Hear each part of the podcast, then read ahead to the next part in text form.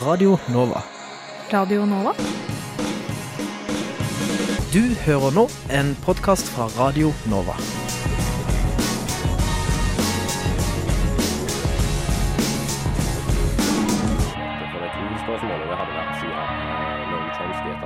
Den greina av lingvistikken som, som jeg befinner meg Vi håper jo på breiest mulig oppslutning om SV, og jeg tror at det eneste som kan få norsk løsner båndene mellom staten og kirka, og forhåpentligvis fører til tettere bånd mellom kirka og folk. Så hadde de gjort som andre fjøringsbevegelser i verden, hadde de helt legitimt kanskje tatt i våpen. Og så direkte skildring av menneskeskjebner tror jeg ikke vi har sett eh, i noen annen nyhetsdekning av noen annen terroraksjon. Det er såpass store forskjeller mellom den kalde krigen, hvor det var to supermakter som sto mot hverandre, eh, og den situasjonen vi har i dag.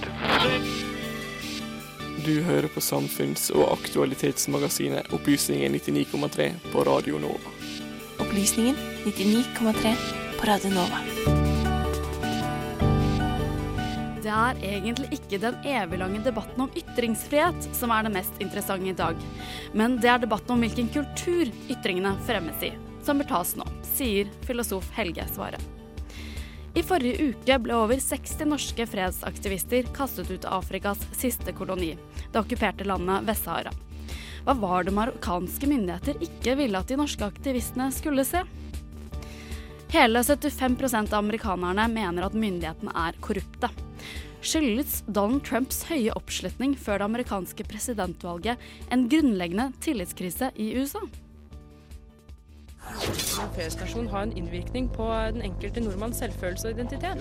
De sliter, og de har ikke råd til å betale eh, markedspriser for, for gassen. Akkurat nå hører du på Radio Novas samfunns- og aktualitetsmagasin, Opplysningen 99,3. God formiddag og velkommen til Opplysningen 99,3 fredag 29. januar. Vi er altså Radio Novas samfunns- og aktualitetsmagasin, og ønsker å gi deg de vinklingene og de sakene du kanskje ikke får andre steder. Om en time er du kanskje ørlite mer opplyst.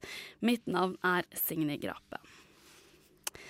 De siste årene har vi opp, ned, til høyre og venstre og tilbake igjen debattert ytringsfrihet. Vi har snakket om demokrati, verdier, om grenser og om ytringsansvar. Helge Svaram, du har sammen med retorikkforsker Trygve Svensson skrevet den vitenskapelige artikkelen 'Ytringskultur bør finne sted' i Sosiologi i dag.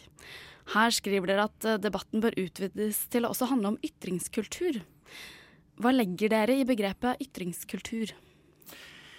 Uh, ytringskultur, det er uh, alt det som skal på plass for at vi får en uh, best mulig og mest levende og mest mulig interessant samfunnsdebatt. Og det er ganske mange ting. Det kan vi godt komme inn på, jeg skal ikke ramse det opp, men det er i hvert fall de rammebetingelsene som, som må på plass, tenker vi. Så det er liksom misforstått da, at det er debatten om ytringsfrihet som er den viktige? Den er kjempeviktig, den må vi ta hele tiden. Men det vi gjorde i den artikkelen, sånn vi starter med det, og det er ganske sånn interessant, da vi liksom ble klar over hvor omfattende det er. Vi gikk inn og så på mange av de debattinnleggene som har vært på trykk i norske medier i det siste om som, som, går under overskriften ytringsfrihet. Og så ser vi at det de egentlig snakker om, det er mye mer disse rammebetingelsene. Eller så er det mer den kulturen som, som, som, finnes i dette offentlige rommet som vi pleier å snakke om, og som, gjør, som påvirker uh, folks muligheter for å uttrykke seg, eller, uh, og som skremmer noen vekk, uh, sånn at samfunnsdebatten blir, blir, blir liksom fattigere. Ok, men For å være litt mer konkret. Du snakker om rammevilkår for mm. ytringer. Litt, hva er disse rammevilkårene? Er de praktiske? Er de altså, verdimessige? Da vi, da vi begynte å, å, å, lure på om vi kunne bruke kulturbegrepet, så, så er det fordi kultur, altså i, i andre fag, sosialantropologi f.eks., det er et begrep som har veldig mange dimensjoner. Det går Delvis går det på normer, på skikk og bruk, men det går også på den materielle infrastrukturen. F.eks. hvis vi skal liksom studere kultur i Norge, så kan vi ikke gjøre det uten å se på motorveier og biler og de husene vi bor i osv. Litt det samme er det med ytringskultur. at for så er det altså noe som påvirkes ganske kraftig av den måten mediene er organisert på. Den måten digitale debattarenaer helt konkret er, er, designet på, og liksom hvordan ting ser ut helt ned på det konkrete nivået der. Og da, Ideen om en kritisk offentlighet bygger jo på at alle skal kunne delta i denne samfunnsdebatten. Kan du si noe om hvilken av kultur vi har for dette i Norge, eller hvilke normer som foreligger? Sammenlignet med veldig mange andre land, hvis vi ser globalt på det, da, så er både Norge og Vesten eh, kjent av at vi har en kultur hvor det, liksom, det er en slags sånn selvfølge. Det forventes av liksom, samfunnsborgerne at de skal engasjere seg, og det er kjempebra. Så det, det trenger vi. Ja, Og det er noe vi alle er? Det, altså, vil du si at nordmenn flest uh, er en uh, deltakende samfunnsborger? Ja, det, jeg, har ikke, jeg, har ikke, undersøkt det sånn uh, i detalj, men det virker jo sånn når du ser på både sånn iveren etter å skrive debattanlegg og, og delta i, i digitale Så det ligger da ganske arenaer. godt an med ytringskulturen i Norge, da? eller? Den Relativt sett, globalt sett, så står det, står det bra til. Det gjør det. Men alt kan bli bedre. Ja. Og jeg tenker at dette med ytringskultur det er ikke sånn at vi liksom vil slå på stortromma liksom, og være som dommedagsprofeter. Det er egentlig bare det at vi tenker at den kan bli veldig mye bedre enn den er.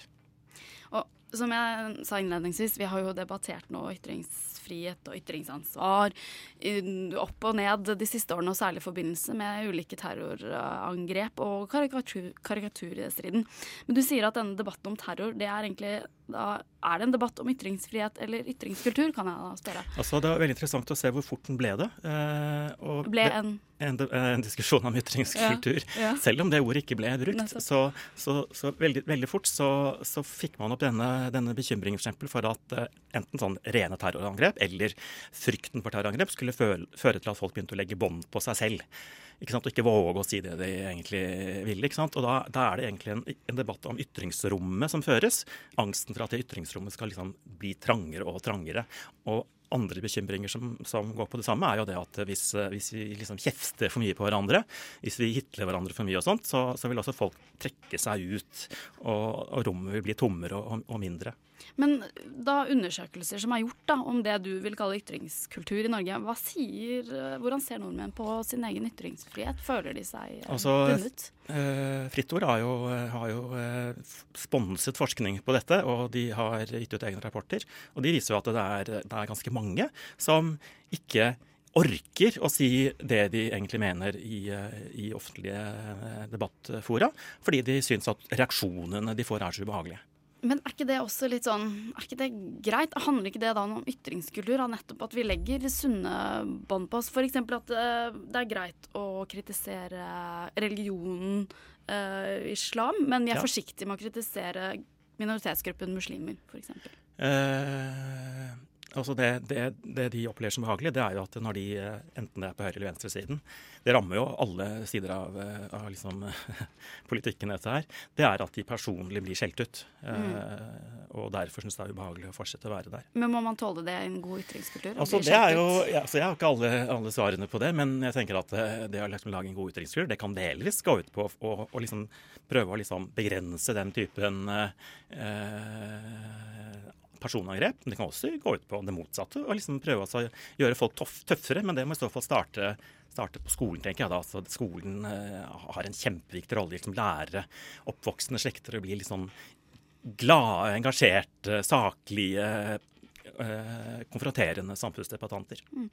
Uh, i går så ble det kjent at Dagbladet stenger sine kommentarfelt. Eh, fordi de føler da økt trafikk på sosiale medier. Så de stenger vel strengt tatt ikke kommentarfeltene sine, men flytter de over til eh, Facebook og ønsker diskusjonene her. Um, hva kan synlig personlig identitet som på Facebook ha si for ytringskulturen? Og så, eh, Det er første gang jeg hører om det, men jeg tenker at det er kjempespennende å se. Det er vanskelig å vite på forhånd, men, men det jeg selv mener jeg har registrert det siste året, det er jo at stadig, mye, altså stadig flere bruker Facebook-sider til samfunnsdebatt. Og at de samfunnsdebattene ofte blir veldig annerledes enn de blir på anonyme eller, eller sånne vanlige nett, nettavisfora. Fordi folk liksom møter hverandre mer sånn ansikt til ansikt. Og de er liksom hjemme hos noen.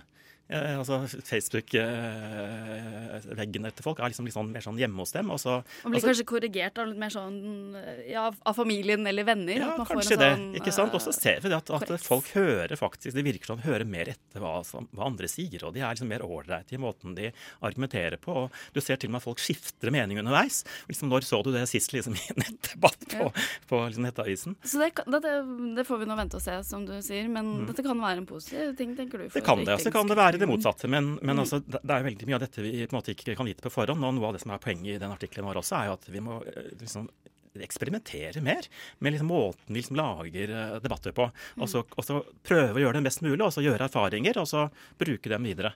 F.eks. hvordan, eh, hvordan eh, svenske Dagens Nyheter nå har liksom lagt opp sin, sin debattarena eh, debattarena i avisen. ikke sant? Det at folk kan, etter at et tema er lansert, melde inn hvem de har lyst til skal komme opp og være motdebattanter. Kjempespennende idé. ikke sant? Og da kan man liksom få på banen folk som ellers bare ville sittet der og ventet, og som kanskje har veldig mye interessant å melde. Det var svaret. Vi kan jo fortsette litt eh, i svaret. fordi De siste ukene har det vært blitt veldig godt kjent at svensk politi og noen medier har unnlatt å opplyse om kriminalitet, særlig kvinnetrakassering, begått av innvandrere med ikke-vestlig bakgrunn. Um, tror du noe slikt kunne blitt gjort, eller vil kunne gjøres av norske medier? Um, det tror jeg helt sikkert. Og jeg, jeg er sikker på at norske medier holder på med noe som ligner litt. eh, At de liksom dysser ned disse ting som de liksom føler er liksom for ja, sånn skummelt å liksom skrive om. Uh, og Det er også et veldig godt eksempel på at ytringskultur handler om veldig mange ting. da. Altså Det handler om deg og meg, og så handler det om skolen. Og så handler det veldig mye om, om pressen og hva pressen gjør. Pressen er, er kjempeviktig. altså at Ja, hva sier du om pressen i Skandinavia, da, hvis Eh. noe sånt kunne skjedd i Norge? Um, det sier at de har liksom ikke altså Veldig mye av dette der, eh, motivasjonen for å liksom få, få, få gjort ting bedre, det er jo å liksom skjønne at hvor viktig samfunnsdebatten er, at den er åpen. Altså Hvis ikke den er åpen, så, så risikerer vi at liksom alt, alt bryter sammen. På sikt, på lang sikt, da. Ikke sant? At vi ikke får eh, belyst eh, problemer skikkelig. Og det, det er det som er poenget her. De, vi må belyse alle problemer skikkelig, og det må pressen også liksom skjønne. da. Så det er noe med Men å belyse det, skikkelig, det er vel det som er eh, Ja. utfordringen. Ta et annet dilemma her. Ja. Um, Men skikkelig, det er også ikke, ikke holde ting skjult. Ikke holde ting skjult. Det bør man vel være enig om. Hege Storheigs bok 'Islam den ellevte landeplage' eh, dreier seg om bl.a. hvordan islam kan virke innskrenkende på ytringsfriheten i Norge. Og Boka har jo vært omtalt i mediene, mediene men den har fått få seriøse anmeldelser. Eh, Og det har blitt hevdet at enkelte ikke vil uttale seg av frykt for å miste jobbene sine. Har du noen tanker rundt eh, dette? Kan man ane et sånn ytringsfrihetens paradoks? Altså For eh, noen så er islam det verste, verste som finnes når det gjelder eh, liksom den alvorligste trusselen mot ytringsfriheten. Og hende det er- at det er eh, noe i det. Men den siste rapporten til, til denne forskningen da, som går på ytringsfrihet i Norge, den viser jo at nesten 20 for eksempel, av vanlige nordmenn eh, går inn for å nekte, nekte høyreradikale partier å stille stortingsliste. Eh, Eller innvandringskritiske blir de også spurt om. Og det er, det er, det er, eh, det er litt sånn skummelt altså, å se at hvor eh, utbredt eh, eh, sånne holdninger er liksom overalt, egentlig. Ikke bare blant, kanskje blant eh, muslimer. Men hva, til sist, hva tror du om eh, ytringskulturens kår for fremtiden? Det ser ut som om eh, eh, det er veldig mye positivt på gang. Eh, så egentlig så, så er jeg eh, liksom eh, optimist der. Men jeg skulle ønske at veldig mange flere også begynte å liksom diskutere det, og ikke bare, ikke, ikke bare liksom eh, diskutere for og mot ytringsfrihet, som, som ofte blir liksom kjedelige og repeterende diskusjoner. Spennende. Takk til deg, Helge Svare. Du er altså filosof og seniorforsker ved Arbeidsforskningsinstituttet ved Høgskolen i Oslo og Akershus.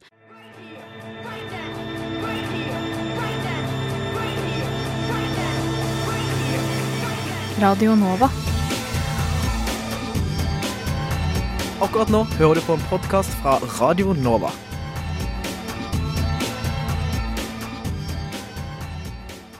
Siden 1975 har Marokko okkupert eh, Vest-Sahara, et land på størrelse med Norge. Marokkanerne har siden da eh, bosatt sin egen befolkning i de okkuperte områdene og skvist den opprinnelige befolkningen ut i ørkenen. I dag bor halvparten av saharaviene saharawiene i flyktningleirer i Algerie og lever ene og alene på humanitær hjelp fra det internasjonale samfunnet. I forrige uke ble 68 unge fredsaktivister kastet ut av de okkuperte områdene. Dette fikk oppmerksomhet både her i Norge og internasjonalt.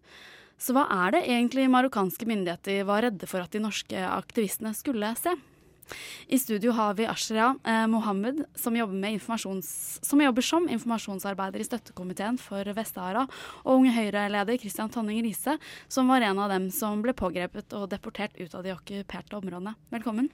Takk. Takk. Astrid, du er uh, sa saharawi, sahar, vanskelig å si, uh, og vokste opp i flyktning, flyktningleirene i Algerie. Uh, og du forstår godt norsk, men er mest komfortabel med å svare på engelsk, så da gjør du det.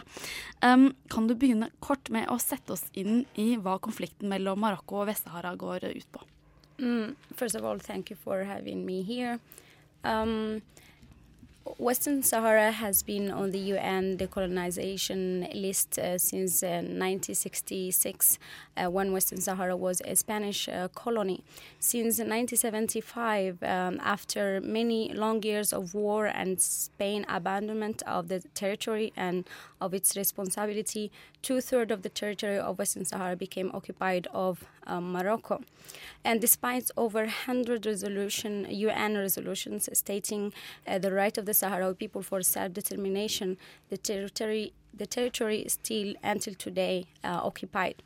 Uh, Western Sahara is recognized by 80 countries. Um, neither the United Nations or the African Union or any country in the world recognize Moroccan claim over uh, Western Sahara.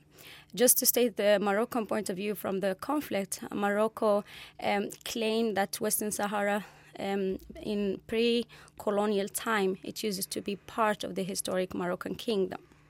Um, men hvorfor er det Marokko har så lyst til å ha Vest-Sahara? Det er et land uh, spekket med naturressurser, f.eks.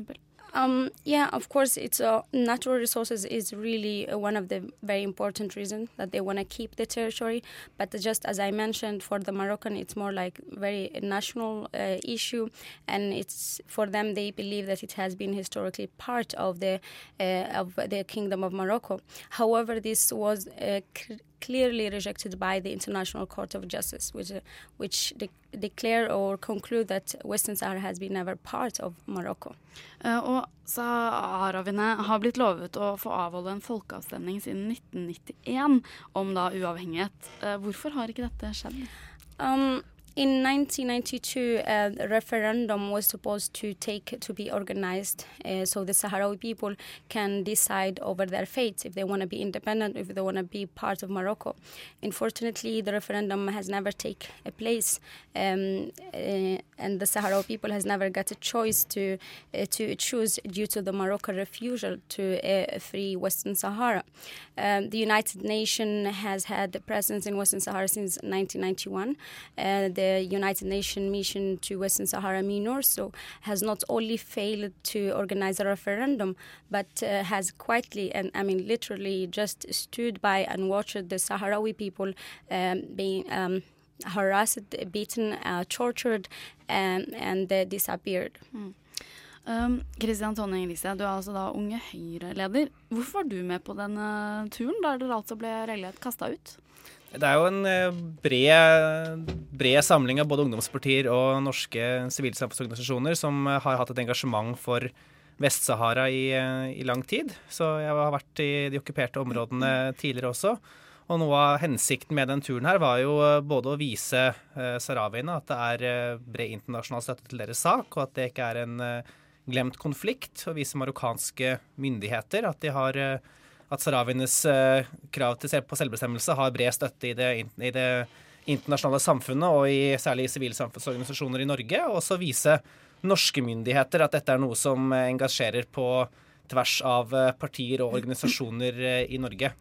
Jeg syns jo at resultatet av turen egentlig understreket mye av poenget. Altså, det var 68 nordmenn som prøvde å komme inn. De aller fleste ble kasta ut før de en gang rakk å komme seg inn i området. Så var det fire stykker som, eh, som klarte å komme seg inn, og de også ble deportert ut ganske fort. Så det, det viser jo at uh, marokkanerne er livredde for at det skal komme ut informasjon, for at man skal få lov til å møte sahrawiene som bor i de okkuperte områdene, og at historier, bilder, informasjon om det som skjer der, skal uh, komme ut og, og skape mer engasjement i det internasjonale samfunnet. Og du er jo politiker. Eh, hvorfor tror du eh, det ikke skjer noe her? Man har snakket om dette i årevis, og det er jo en sånn sjelden lykkelig enighet eh, tverrpolitisk, i hvert fall i Norge og sikkert i mange andre land, om at dette er noe som må løses. Hvorfor skjer det ingenting politisk? Det er en ganske det er en krevende nøtt, fordi sånn rent sånn rettslig så er dette her, syns jeg dette er en no-brainer, egentlig. Det er ganske åpenbart for meg hvem det er som har eh, retten på sin side her. Det er ingen land som anerkjenner Marokkos krav på Vest-Sahara. Men det er klart at realpolitisk så er det, så er det selvfølgelig mye mer krevende. Eh, klart, hvilke, hvilke, maktmidler er det det internasjonale samfunnet egentlig har? altså Hvilken villighet har man til å bruke det? Altså Marokko har eh, ses på som en, som en, viktig vestlig alliert. Her er det konflikter mellom Marokko og Algerie også som, som spiller inn. Der, der Algerie var på, på måte, feil side under den, under den kalde krigen, mens Marokko ikke var det. Så har du Frankrike, som aldri egentlig helt har tilgitt uh, Algerie for at de uh, ikke lenger ble en del av det, det franske koloniveldet. Så de, de, trenerer jo alle prosesser i det mm. internasjonale samfunnet på, på å få økt presset uh, mot den marokkanske okkupasjonen. Så MINURSO, altså FNs fredsbevarende styrker i Vest-Sahara, er jo meg bekjent altså den eneste FN-styrken, i hvert fall i moderne tid, som ikke har hatt mandat til å engang rapportere om menneskerettighetsbrudd. Eh, og Det viser jo at sånn den type aksjoner som, som, vi har hatt også, hvor vi sender delegasjoner inn for å få mer informasjon, er veldig viktig. For når det skjer overgrep uh, på helt grunnleggende menneskerettigheter i de okkuperte områdene, så er egentlig FN nødt til å bare stå stille, og de får ikke engang lov til å rapportere videre om det. Så det at andre sivilsamfunnsorganisasjoner har det engasjementet, er egentlig veldig viktig for at egentlig verden skal få vite hva som skjer. En slags sånn storpolitisk unnlatelsessynd, pent uh, fortalt, ja, det kan kanskje. kanskje kalle det. Um, vi skal høre et lite klipp fra noen av uh, reisefølget som nettopp uh, da var i Vest-Sahara, hva de har opplevd. We are taking care of your friend. Mm-hmm. Taking care after hurting her. No, okay. no one hurts her. No, how did it happen? She's just rude, too rude. And she doesn't have the right She's to film rude? us. She doesn't have the right to film us. what right do you have to film us and go through her cell phone, her private stuff? You're feeling good now? Feeling good? Not Margaret? Really. Not really. Not really? Sophie? passport. Okay? So where to? I get here. I get here. Okay. There is camels, there is surfing, there is kite surfing, there is everything. Seas, everything. Uh, whatever. Uh, Ashra, hva er det vi hører her? Um, this is um, a conversation between a, a, young Norwegian activist and a poli policeman uh, at a, check, a checkpoint. Mm. And it's, you know, the reason uh, uh, the Moroccan authority have uh, given many reasons um, why they should that why the Norwegians are not welcome in Western Sahara, and some of them are very ridiculous. Uh, like Emilia, the vice president in uh, WEF, she was told, uh, "You are not welcome here because God have decided that." Uh, and here also, this is actually one of the sound clip which was we were quite worried when we heard it because uh, the girl, um, the Moroccan policeman, he almost was aggressive with her. Mm. He wanted to confiscate or take her phone uh, to delete the pictures, and you you. Um, you you can hear the girl saying, "But you are hurting us," and he was like, his answer was like, ah, yeah, but you, she is not allowed to film us. And imagine in a country where Morocco always tries to sell itself in the West that it's the heaven, it's the tourist uh, destination number one, but you are actually, as a young person, you are not allowed even just to take a normal picture. Liksom hvorfor være i Vest-Sahara når du kan surfe i, i? Uh, ja. Um, ja. Og tre generasjoner har da vokst opp under okkupasjonen uten at noen ting har uh, skjedd. Og så langt har saharawiene eh, kjempet med fredelige midler. Er du redd uh, for at det kommer til et punkt der dere er lei av å vente, og potensielt at noen tyr til vold? Um, you know the Sahrawi people have given a very good example for the in the world for the international community. The Sahrawi people are one of the few, or maybe the only one that they are actually fighting and struggling peacefully. People go out in the streets of Laayoune, the capital of Western Sahara, and organizing peaceful demonstration demanding the right for self-determination. But we have been uh, putting so much faith in the United Nations and the international community that they will do something and find a solution. But as you said, the three generations were born, and among them myself, you get education, you travel to the world, and you have hope that you will go back to your own country, to Western Sahara, and build your own your own country. But now the United Nations has failed to do something about it. The international community has failed to pressure Morocco. Norway is not clear in, in pressing uh, Morocco. And I'm really worried myself because even my, my brother and my other friends, they are saying, no, I think they call it the United Nothing. They are losing faith in the UN. They are losing faith in the, in the international community. And most of them, they are thinking to go back to war. I mean, our government now is saying, no, we should not go back to war. We should keep the, uh, the peaceful process. But at some point, our government will not be able to stop these young people. And it's so much frustra- frustration among the youth because, you know, you are sitting in the middle of the desert in the refugee camps and you are violated in the occupied territory of Western Sahara. So going back actually for, for war in that argument, you are losing nothing because you don't have a life waiting. And I'm really myself concerned that if we don't do anything about this uh, conflict, that we will see a war zone in uh, the North uh, Africa. Mm. Reell bekymring. Um, Christian, hva var det som gjorde sterkest inntrykk på deg under turen? Nei, altså nå, Jeg rakk jo egentlig så vidt å, å, komme, å, komme, inn før jeg ble Mm. kastet ut, så jeg rakk jo ikke å se så mye og treffe så mye folk. Men jeg har jo, jeg har jo vært en uke i de okkuperte områdene før, hvor jeg fikk møte både møte aktivister og, bodde hos, eh, hos familier. og Det gjør inntrykk å eh, møte mennesker som snakker om det å bli eh, banket opp, det å bli torturert, det å bli fengslet med nesten en sånn likegyldig holdning, som om det var, som om det var normalen. Eh, Jeg satt, eh, når jeg var der for eh, Jeg var i, blant annet i byen Smara for tre år siden og møtte en familiefar og satt der med han og hele familien, og han forteller ganske grusomme historier om hvordan han ble, ble torturert i, i ukevis og månedsvis i fengsel, mens familien sitter og hører på. Og når jeg spør den elleve år gamle sønnen hans hva han har lyst til å bli når han blir stor, så, så svarer han at jeg har lyst til å bli som faren min. Og det var et ganske, det var et ganske sterkt uh, inntrykk. Uh, og tenke på altså, hvilken uh, hvilken fremtid er det egentlig disse, disse har? Og jeg deler jo, deler jo Asrias bekymring for, at, for hvor lenge den fredelige motstandskampen som der er nå, kan, kan fortsette. For du har, en, du har en stor del av befolkningen nå som ikke kjenner noe annet enn flyktningleirene i Algerie. Altså det, har vært, eh, det har stått stille siden 1975. Og det er klart det er grenser for hvor mye det er å gjøre i en flyktningleir. Du har en hel generasjon nå som, har, eh, som har svært begrensede muligheter til utdanning, som ikke har noen utsikter til jobb. Og da på et eller annet tidspunkt så kommer noe til å fylle det vakuumet, og da er det en reell fare for at det er mer eh, ekstreme krefter, folk som Mm. er lei av å vente, som kommer til å gjøre det. Men for å snakke om handling, da. eh, Som en del av denne aksjonen hvor dere da i hvert fall forsøkte å komme inn i Vest-Sahara, så har dere lansert en kampanje som kalles Referendum Now. Og den gikk viralt i hele Nord-Afrika og ble bl.a. plukket opp av Al Jazeera. Kan du fortelle kort litt om denne? Det går direkte på poenget med, med selvbestemmelse. og Det eneste den sahrawiske befolkningen egentlig spør om, er jo å få den folkeavstemningen som de skulle fått i 1992, som de ikke har eh, fått ennå. Hvor de skal få lov til å avgjøre sin, eh, sin egen fremtid.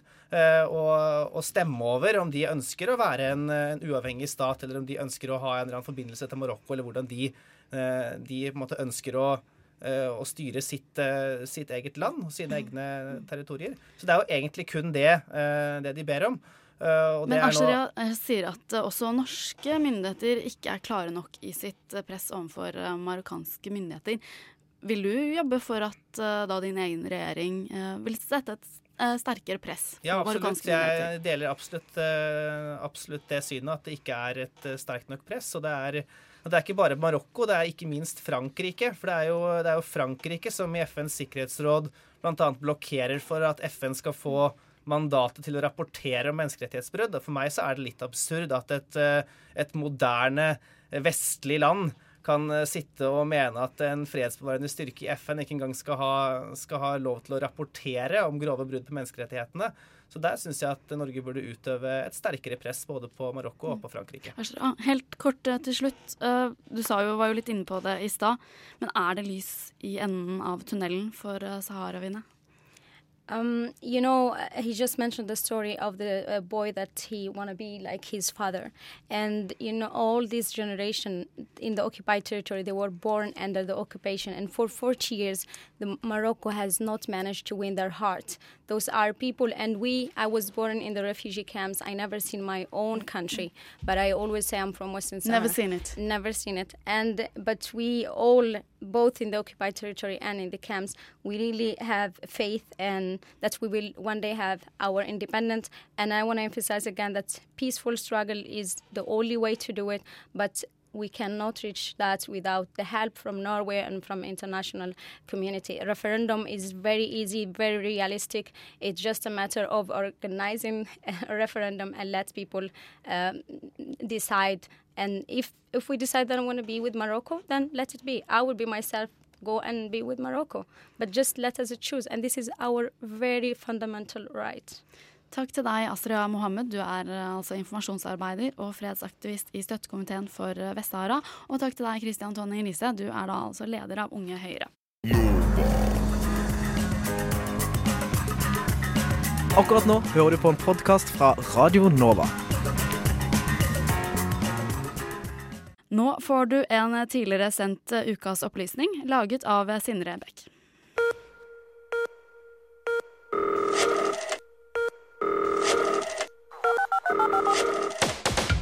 Enkelte har latt seg overraske over at flyktningene fra Syria har mobiltelefon.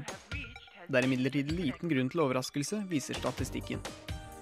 The Independent melder at det er 87 mobiltelefoner per 100 innbyggere i Syria, et land som havner midt på treet i verdenssammenheng når man ser på velstand og levekår. I Norge har vi, til sammenligning, 115 mobiltelefoner for hver 100 innbygger.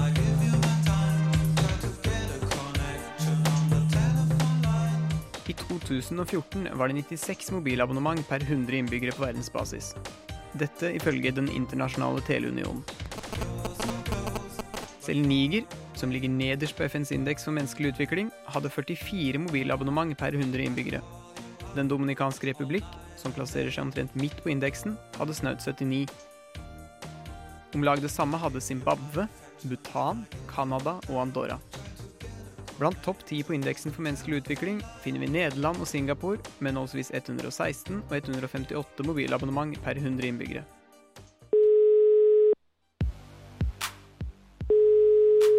Mobiltelefonen er ikke bare ganske utbredt mange steder i verden. Den er også et viktig og vanlig hjelpemiddel for kommunikasjon og navigasjon blant flyktninger, uansett hvor de kommer fra eller hvor de skal.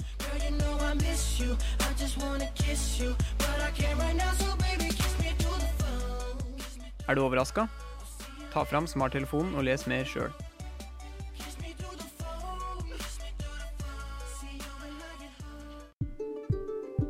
At i stedet for å bli bare en nyere versjon av Kyoto, så vil det kanskje være det man kaller for en balansert pakke. Men eh, vi vet at eh, før eller senere, for det er såpass mange av disse legemene, så er det en med adresse jorden. Og når det skjer, så bør vi være forberedt The phrase they always use is 改变命运, which means change your fate. You know, and they say, I don't want to be a farmer like my parents. Jeg tror jo at uh, internasjonalt militære nærværet i de åtte og et halvt årene vi har stått i Afghanistan, faktisk har bidratt først og fremst til å gjøre situasjonen verre. Opplysningen 99,3 på Radio Nova. Kritikerne har sluttet å le, og kommentatorene må spise hattene sine. Donald Trump ligger godt an til å bli republikanernes presidentkandidat i valget senere i år. Men skyldes dette fenomenet Trump egentlig en grunnleggende tillitskrise i USA, der hele 75% av amerikanerne mener at myndighetene er korrupte, og 85% mener at amerikanske politikere først og fremst fremmer interessene til dem som gir penger til kampanjene deres? Med oss på telefon har vi Ketil Raknes, nå høyskolelektor ved Markedshøgskolen og tidligere statssekretær for SV. Velkommen. Jo, takk. Før jul skrev du en kronikk i Aftenposten der du nettopp skriver om denne tillitskrisen i USA. Er det derfor Trump gjør det så godt på målingene? Fordi han faktisk har tillit blant folk? Ja, altså det Jeg er nok ikke den eneste som hevder det. Jeg skrev en ny sak i Morgenbladet i dag hvor jeg gikk litt mer inn akkurat i det argumentet knyttet til systemkrise. For det du kan si er at Trump representerer jo et ekstremt elite, eh, altså en ekstrem, ekstrem elitekritikk. Dvs. Si at han, han er en klassisk populist, og populisme har alltid vært populært i USA. Det har vært mange populistiske opprør i USA opp igjennom. Men for at en elitekritikk skal treffe, så må han jo treffe noe. Og da må det være en viss grad av misnøye med den eksisterende politiske eliten. Og det som er litt unikt i, i valget i 2016, er at på en måte mistillitsindikatorene på veldig mange områder samtidig eh, er veldig høye. Eh, hvis du kan ta, ta tre veldig enkle områder. På økonomi eh, så er det helt klart at flertallet av amerikanerne mener at landet går eh, i feil retning. Og spesielt disse velgerne som har lavere utdanning, opplever jo ingen økonomisk vekst, og satt igjen med regningen etter eh, finanskrisen. Og så har du det med generell politisk eh, tillit. ikke sant? Kan tenke I Norge 80-90% av oss mener jo at Stortinget er et fornuftig sted, og de holder på med fornuftige ting. I USA er det 12% som 12 Kongressen. 12 sant? Og Det er jo nede på nivå med, med utviklingsland eller land som har veldig store problemer med de politiske institusjonene sine. Vi vet jo veldig godt det at eh, for at land skal fungere godt, så må mennesker ha tillit til eh, de politiske institusjonene sine. Det er også det vi kaller sosial kapital i forskningen. Så Vi har veldig mye av i Skandinavia. Men som USA nå er i ferd med å gå litt eh, tom for, kan du si. Men Trump, eh, bare ta det. Fordi det er jo litt så vanskelig å forstå. Han er jo en del av eliten selv. Hvorfor har de så høy tillit til han? Ja, men, men, det er jo nettopp det som er det geniale. Altså, dette, dette, kjenner vi jo igjen fra høyrepopulistiske partier i, uh, i Europa. Eh, Silvio Berlusconi var jo milliardær og ganske selvsentrert, kan vi si. Og ble eh, statsminister i Italia på litt samme måten som, som Trump.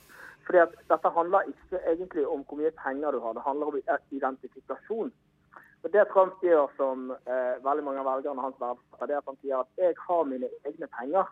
Så på en måte så er det å være elitekritisk i USA i dag, det betinger at du er milliardær. alle de andre har så mye, altså alle de andre er avhengig av donorer og avhengig av andre. Så, og Det skaper en viss troverdighet òg. Fordi at han sier at jeg finansierer min egen kampanje, og dermed kan jeg si hva, det, hva jeg vil. Eh, og I går også når han boikottet eh, den siste eh, presidentdebatten til Fox, så understreket han jo bare det poenget. At jeg er ikke sånn som de andre. Jeg spiller etter mine regler. Jeg har mine egne penger, og jeg er liksom my own man. Um, vi, skal få høre et, ja, vi skal få høre et lite klipp, et lydklipp her. Det er en gjeng Trump-tilhengere forklarer til CNN hvorfor de nettopp er så begeistret for ham. Hør her. Because he knows he has the people behind him. Uh, they feel very threatened by Trump. He doesn't fall into their game, or their, they can't put Trump in a box. And that's what we love about him. We, all the Trump supporters, we love that he's unvarnished and he's, he's just for the people. These people represent their own um, agenda, Yeah. these, their own desire to um, use the political machine as a stair step to their own success. Ja, Han sier altså at Trump er unwarnished, altså direkte og uten staffasje, kan man kanskje si på norsk, og utenfor boksen, og ikke en del av det etablerte maktstabilisementet. Mm. Ja, og, og, og du kan si at eh, Trump spiller jo eh, veldig på at altså, Grunnen til at Trump er så stor som han er også, er jo at dette er ikke noe nytt i USA. Det har aldri vært lett å være politisk elite i USA. For USA har alltid vært et veldig antielitistisk eh, land.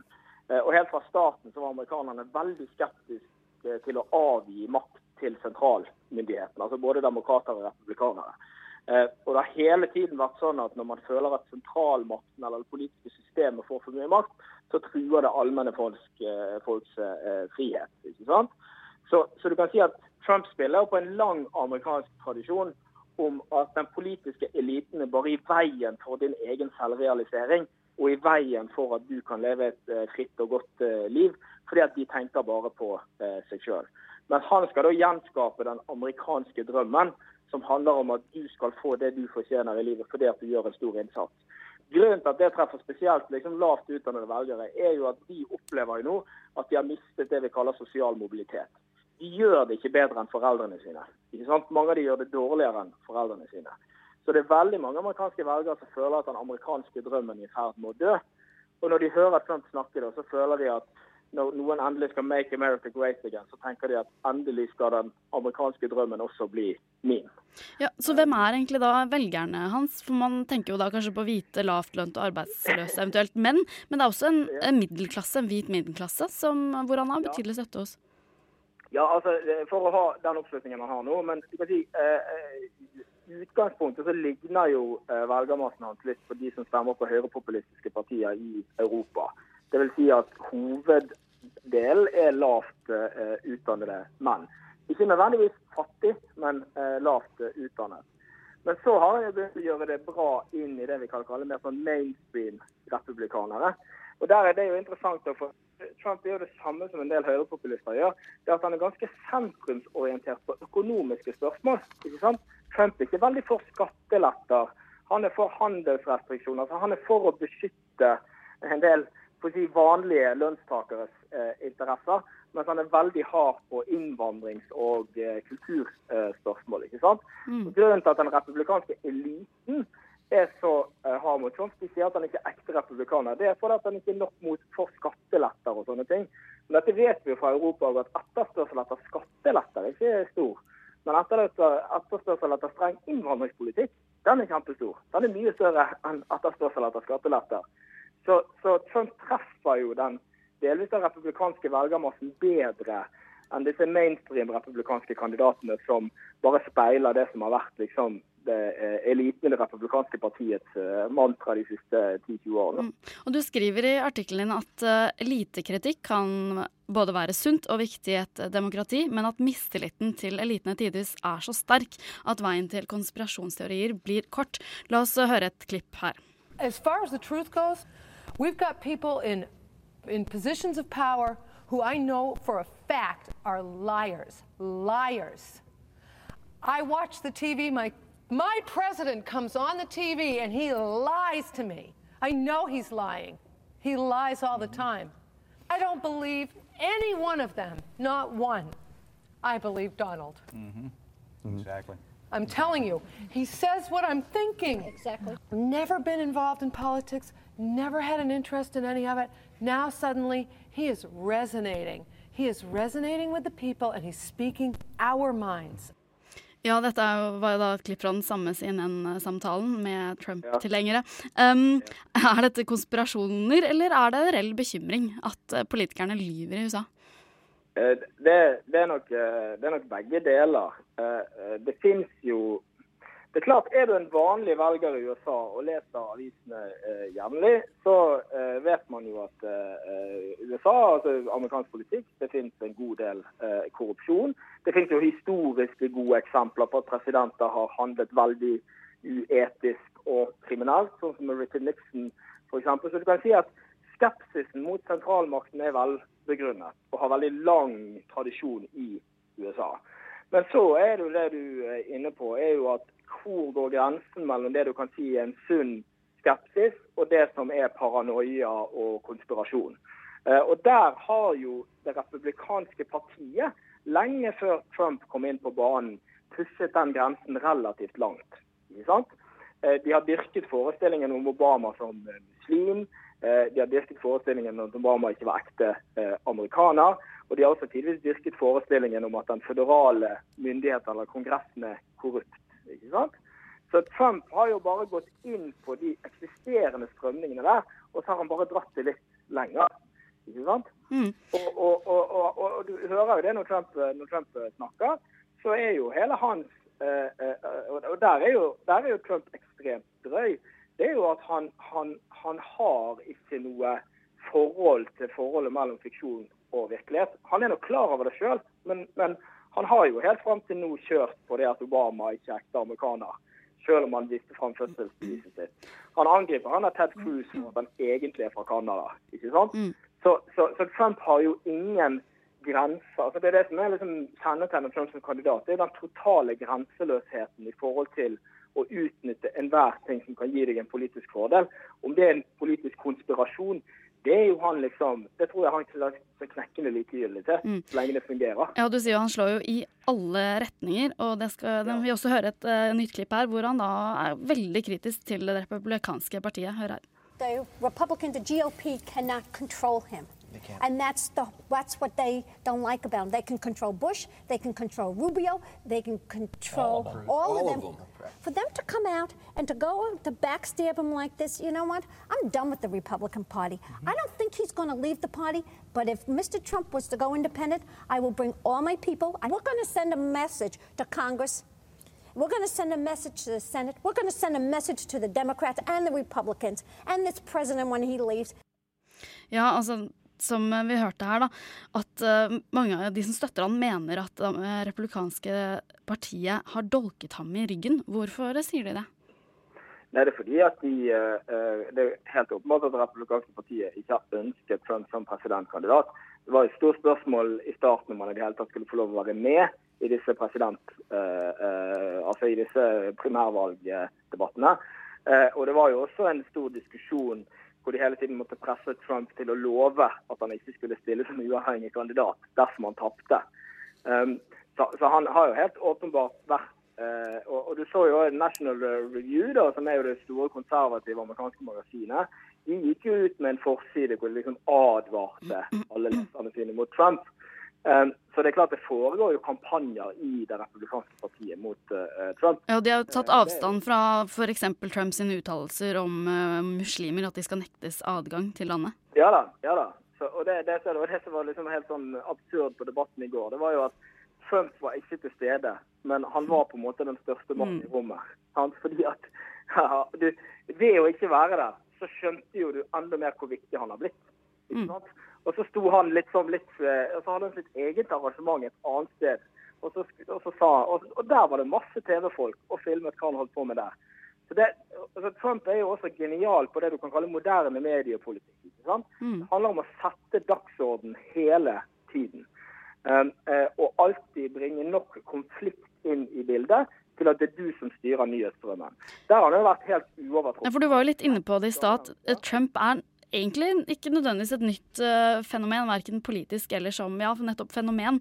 Altså Der uh, populistiske politikere gjør det bra og visker ut nærmest skillet mellom underholdning og politikk. Ja, og, og der, er jo han, der er han helt uovertruffen. Han har seks ganger mer mediedekning enn kandidat nummer to. Ikke sant? Og Det vi vet fra moderne medieforskning, er jo dette med agendasetting og, og, og, og sånn. Så vet vi jo at eh, mengden oppmerksomhet du får, ofte er det som gjør at du får ekstra oppslutning. Ikke sant? Og Det mest geniale med Trumps kampanje er at han får den oppmerksomheten gratis. Han bruker nesten ikke penger på politisk TV-reklame. Alle de andre begynner jo hver gang ned i politisk TV-reklame.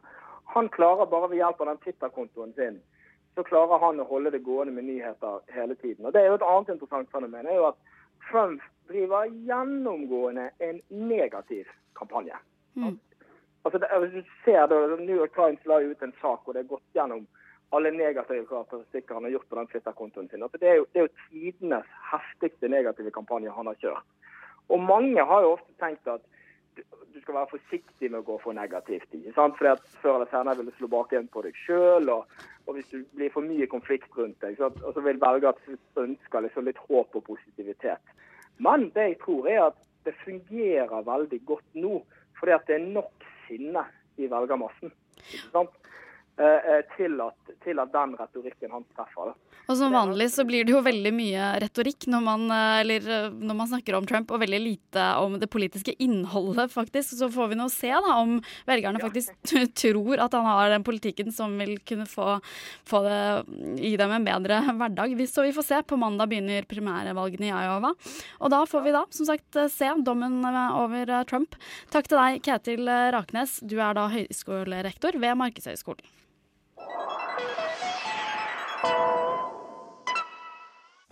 Radio Nova er Oslo-studentenes helt egne radiokanal. Siden 1982 har vi gitt deg favorittmusikken din før du visste at du likte den.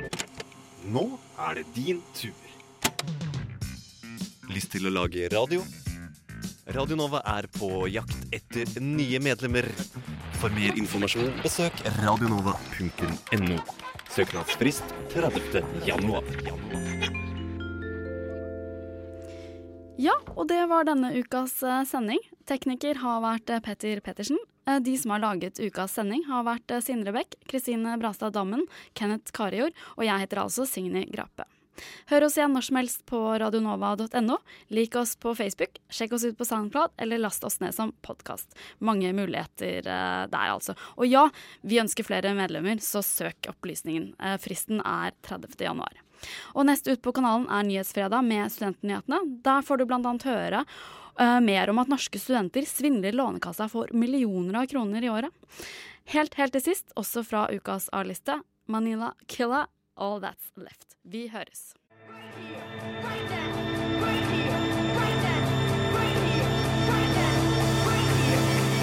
Radio Nova. Du har hørt en podkast fra Radio Nova.